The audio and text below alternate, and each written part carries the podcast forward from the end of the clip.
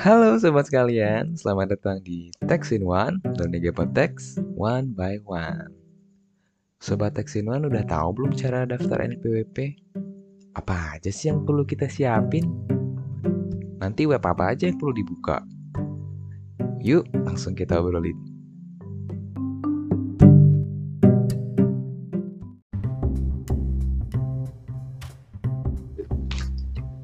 Halo sobat semua, selamat datang di Text in One KPP Pratama Solo. Learning about text one by one.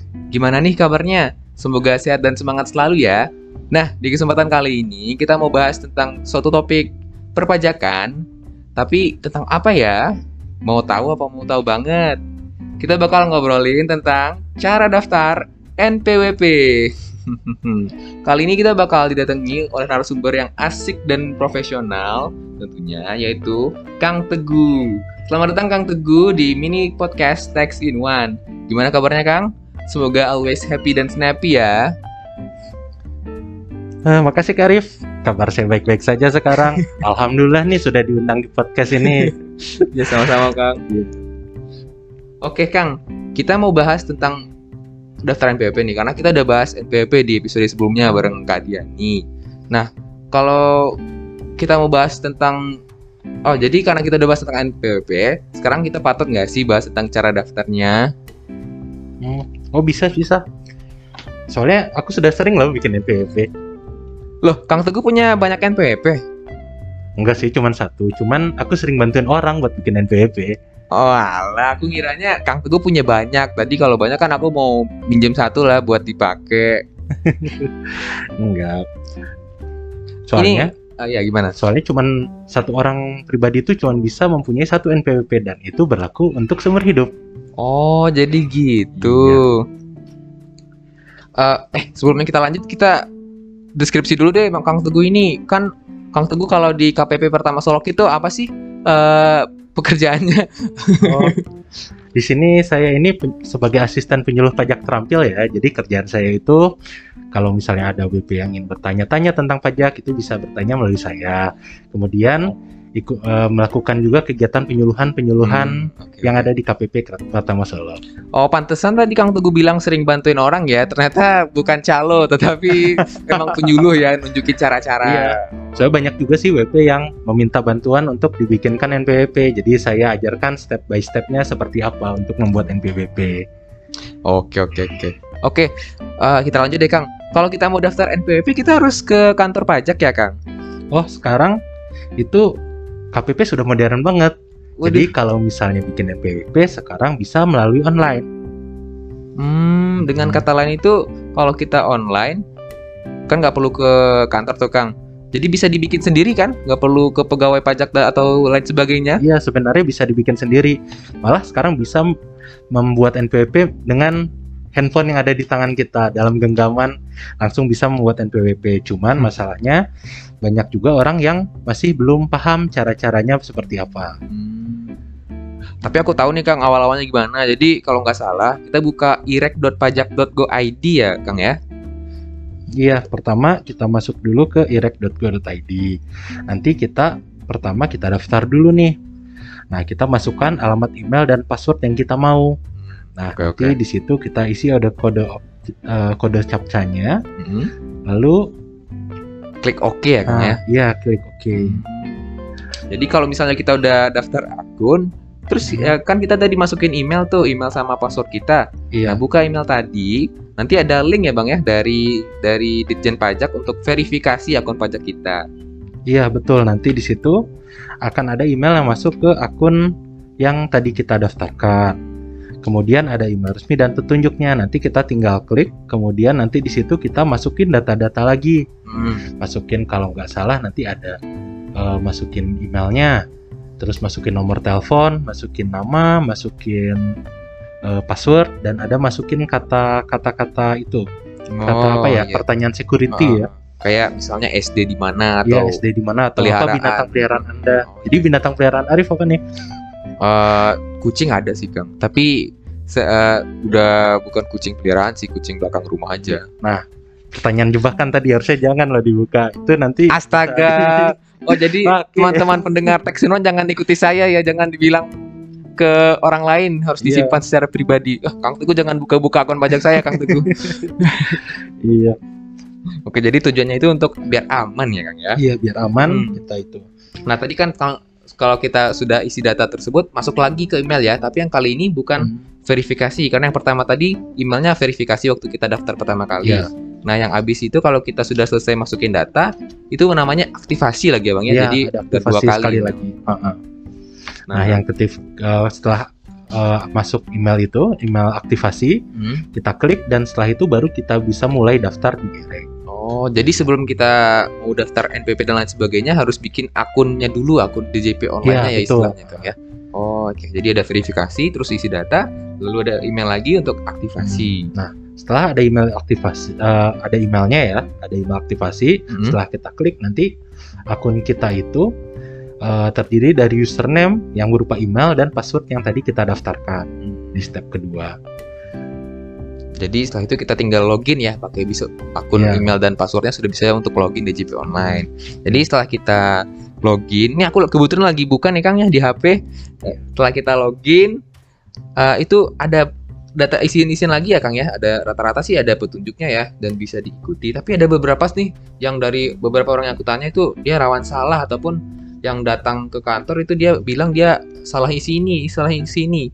Nah, misalnya untuk identitas nih Kang alamat yang kita tulis itu bagusnya apa Kang? Domisili, KTP apa bagaimana? Hmm, Nanti di situ ada alamat pertama kita diminta memasukkan alamat sesuai KTP. Oh iya. Ya, kemudian ada juga alamat sesuai domisili. Hmm, Jadi kan belum tentu sama ya iya iya. alamat yang di KTP dengan alamat domisili tempat kita tinggal. Mungkin belum sempat untuk perubahan data di data kependudukan.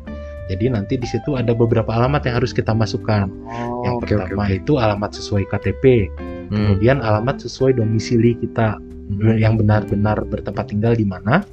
Kemudian yang terakhir adalah alamat tempat usaha apabila wajib pajaknya itu mendaftar sebagai usahawan. Oh, oh ber- berhubungan kita ngobrolin tentang itu Kang. Jadi kan ada opsi di sumber penghasilan tuh. Ada yang pekerjaan tetap, pekerjaan bebas, sama yang tadi itu ya, yang usahawan ya. ya usahawan.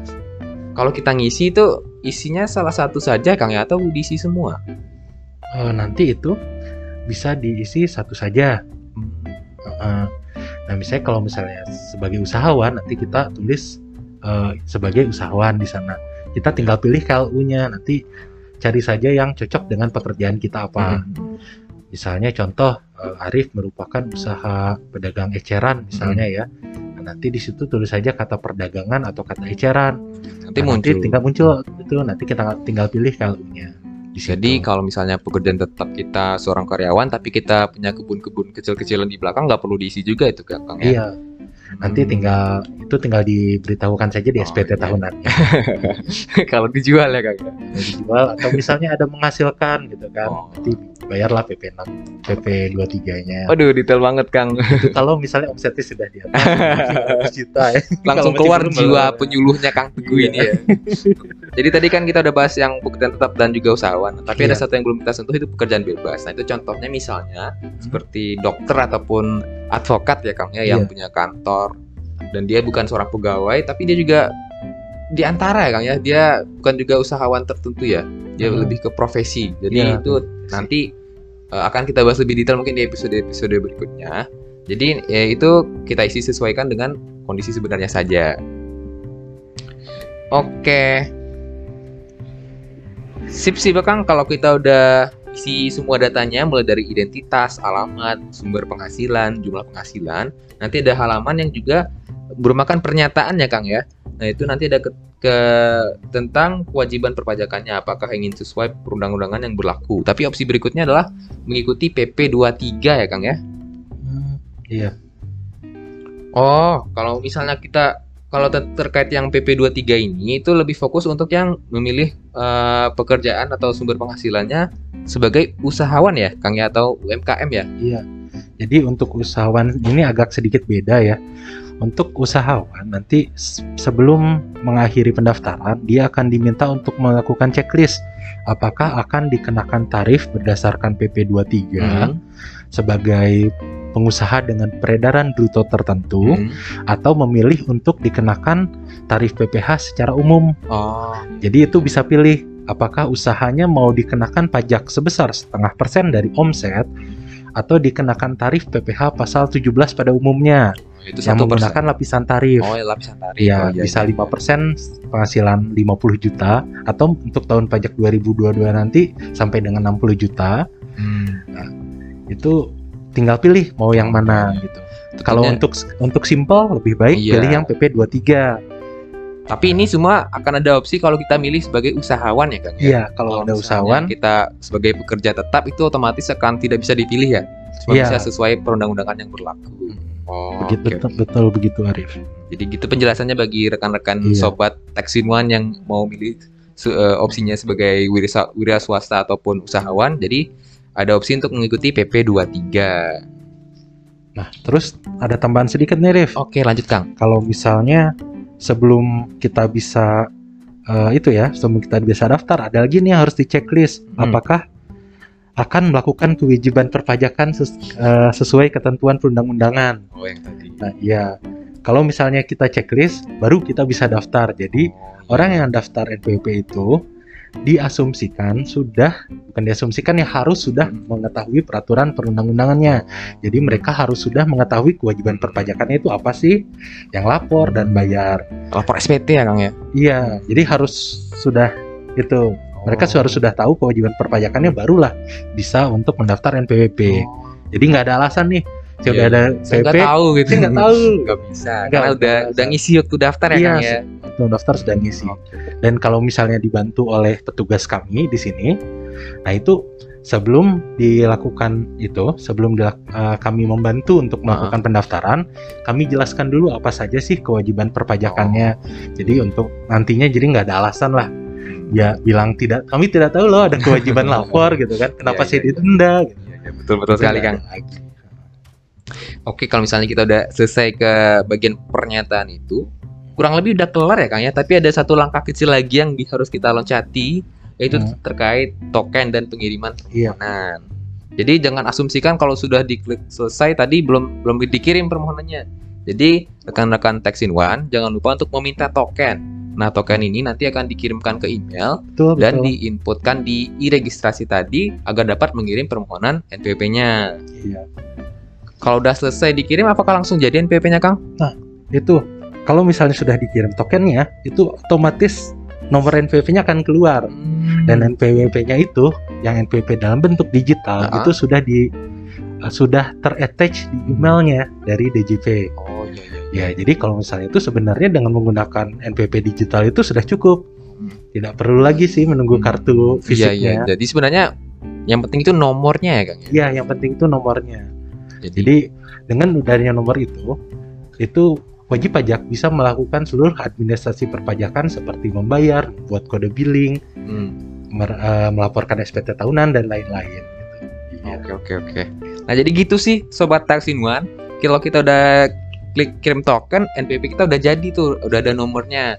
Tapi kalau misalnya perlu kartunya, mungkin bisa tunggu seminggu atau dua minggu dikirim KPP. Tapi kalau misalnya kartunya nyasar nih atau tidak sampai-sampai di alamat, jangan khawatir.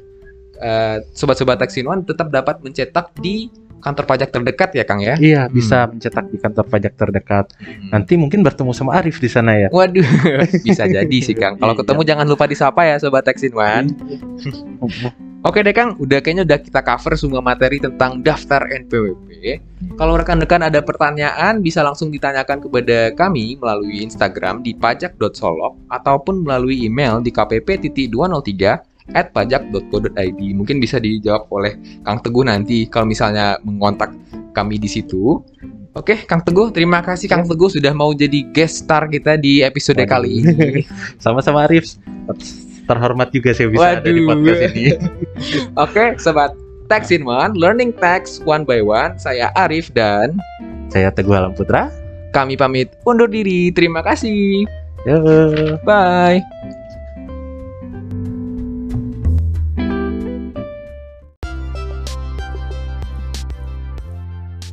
Yo, terima kasih sudah singgah di Tax in One, learning about tax one by one.